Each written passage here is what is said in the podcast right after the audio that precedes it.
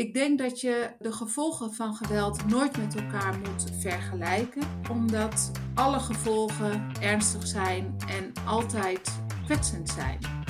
Volgens Nelleke Westerveld van Movisie moeten scholen meer betrokken worden in de aanpak van huiselijk geweld. Movisie is een kennisorganisatie voor een samenhangende aanpak van sociale vraagstukken en Nelleke Westerveld is senior projectleider Sociale Veiligheid. Dit is een podcast van ANP Expert Support. Deze dienst staat los van de ANP-redactie. Luna van der Waarde spreekt vandaag deze expert naar aanleiding van dit ANP-nieuwsbericht. En 1 op de 5 jongeren tussen de 16 en 24 jaar heeft wel eens te maken met huiselijk geweld. Dat heeft het CBS onderzocht. Bij 12% gaat het om fysiek geweld, zoals schoppen en slaan.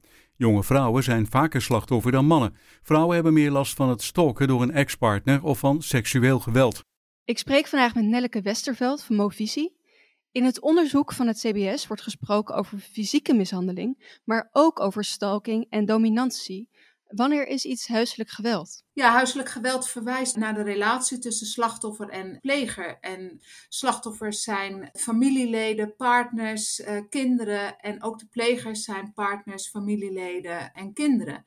En ook huisvrienden kunnen huiselijk geweld ondergaan of plegen. Huiselijk geweld kan fysiek zijn, seksueel of psychisch van aard. En het kan heel erg in ernst en duur, uh, frequentie uh, en in aard verschillen. Het kan licht grensoverschrijdend zijn en het kan ernstig grensoverschrijdend zijn. Wat ik altijd probeer uit te leggen, dat huiselijk geweld niet zwart-wit is. Het is niet zo dat het er wel is of dat het er niet is. We zien eigenlijk dat het een hele grote kleurenpalet kent. Als je bijvoorbeeld schilder bent, zoveel verschillende kleuren zijn er ook voor huiselijk geweld. Het kent dus heel veel vormen. Het komt op heel veel manieren naar buiten. We hebben het over kleineren, we hebben het over isoleren, we hebben het over vernederen, we hebben het over slaan, we hebben het over zoveel verschillende vormen dat het heel belangrijk is om er ook met een hele brede blik naar te kijken. Ja, en het CBS uh, categoriseert ook een aantal soorten geweld, maar ja, lijkt niet echt onderscheid te maken in de mate van de ernst. En jij noemt net al licht of ernstig grensoverschrijdend. Kun je iemand die met enige regelmaat fysiek wordt mishandeld of seksueel misbruikt, eigenlijk wel vergelijken met iemand die een keer gekleineerd wordt? Bij huiselijk geweld is het allereerst belangrijk om heel goed te kijken naar de veiligheid. En daarbij maak je onderscheid tussen acute onveiligheid en uh, structurele onveiligheid. Ik denk dat je de gevolgen van geweld nooit met elkaar moet vergelijken, omdat alle gevolgen ernstig zijn en altijd kwetsend zijn en niet goed zijn. En het kan best zijn dat iemand heel veel gevolgen ondervindt en iemand anders wat minder uh, gevolgen ondervindt. Maar eigenlijk moeten we dat niet met elkaar gaan vergelijken. We moeten eerst in eerste instantie kijken naar de veiligheid. Is er sprake van acute of structurele onveiligheid? En dan moet er bescherming worden geboden. En we weten ook dat structureel geweld, hè, ook in het onderzoek van het CBS kwam naar voren, dat 10% van de jongeren te maken heeft met structureel geweld.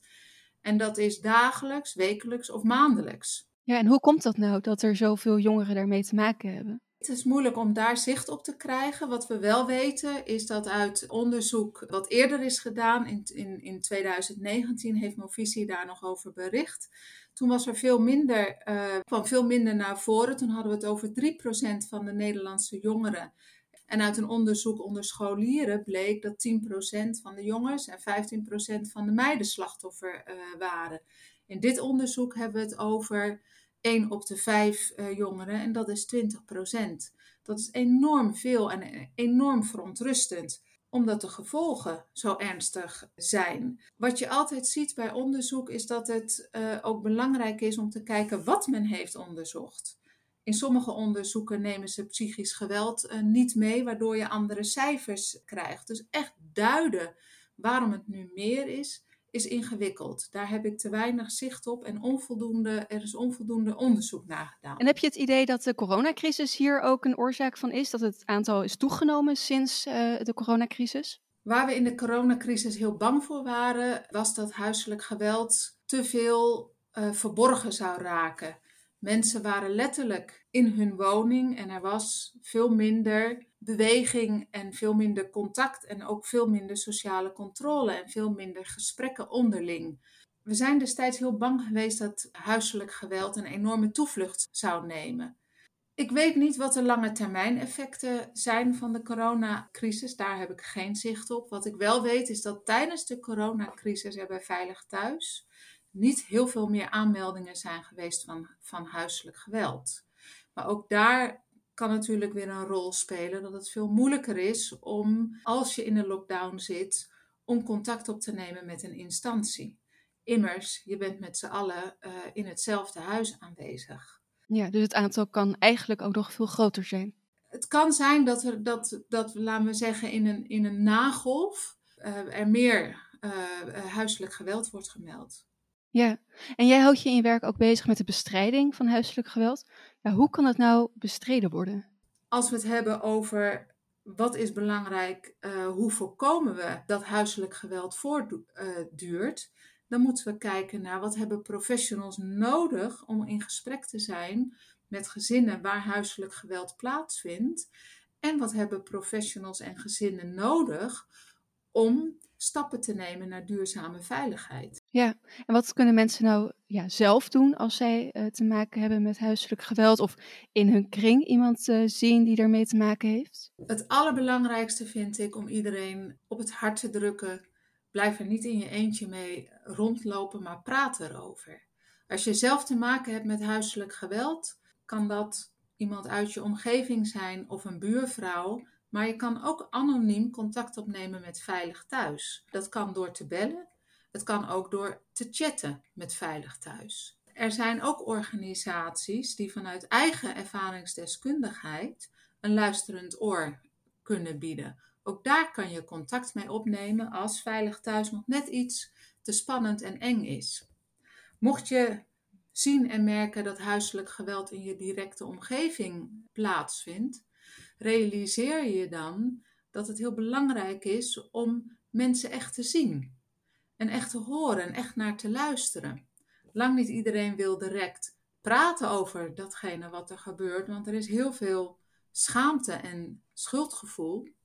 Maar het is wel heel belangrijk dat een buurvrouw aan je vraagt: hoe gaat het met je? Red je het allemaal nog? Kan ik iets voor je doen? Laten we er zijn voor elkaar. Als je merkt dat er meer gesprek mogelijk is, of probeer te kijken wat iemand nodig heeft om een stap te zetten. Ja, dus we moeten wat meer naar elkaar omkijken. We moeten zeker naar elkaar omkijken. Ja. En is er ook nog een uh, rol weggelegd voor de overheid of voor onderwijsinstanties bijvoorbeeld? Ja, wat ik heel belangrijk vind, overheid is een heel groot en breed begrip. Maar wat we wel weten is dat goede wetgeving positief bijdraagt aan uh, de attitude en, en ook de waarden en normen over hoe wij kijken naar geweld. En als we kijken naar bijvoorbeeld een overheid als uh, gemeente, hè, of de gemeente als overheid, dan is het natuurlijk heel belangrijk om te kijken hoe is het bij ons in de, de regio georganiseerd? Hoe hebben wij uh, de preventie ingericht? Hebben we daar middelen voor vrijgemaakt? Ook is het heel belangrijk om te kijken hoe werken de organisaties met elkaar samen. Scholen zijn natuurlijk, het onderwijs is een hele belangrijke vindplaats voor instanties waar jongeren zijn. En we weten uit dit onderzoek dat 20% van de scholieren te maken heeft met huiselijk geweld. Hoe belangrijk is het om bijvoorbeeld met het jongerenwerk met een wijkteam aanwezig te zijn op, op scholen om laagdrempelig met hen in gesprek te gaan en te kijken, kunnen we iets voor je betekenen? En ook scholen, onderwijs en leerkrachten kunnen natuurlijk heel veel betekenen, doordat ze ook heel veel signalen in de klas zien over hoe het met iemand gaat. Dus eigenlijk moet het onderwijs uh, of scholen uh, standaard betrokken worden bij de aanpak van geweld. Daar ben ik groot voorstander van. Ik denk dat als je echt goed uh, geweld wil aanpakken en, en mensen de hulp willen, wil bieden die er nodig is, dan moet je samenwerken. En uh, ook de school is een hele belangrijke samenwerkingspartner. Dankjewel, Nelleke Westerveld van Movisie. Geen dank. Deze en andere experts staan in de database van ANP Expert Support. Ga voor meer informatie naar anp.nl/slash expertcast. Dit is een podcast van ANP Expert Support. Deze dienst staat los van de ANP-redactie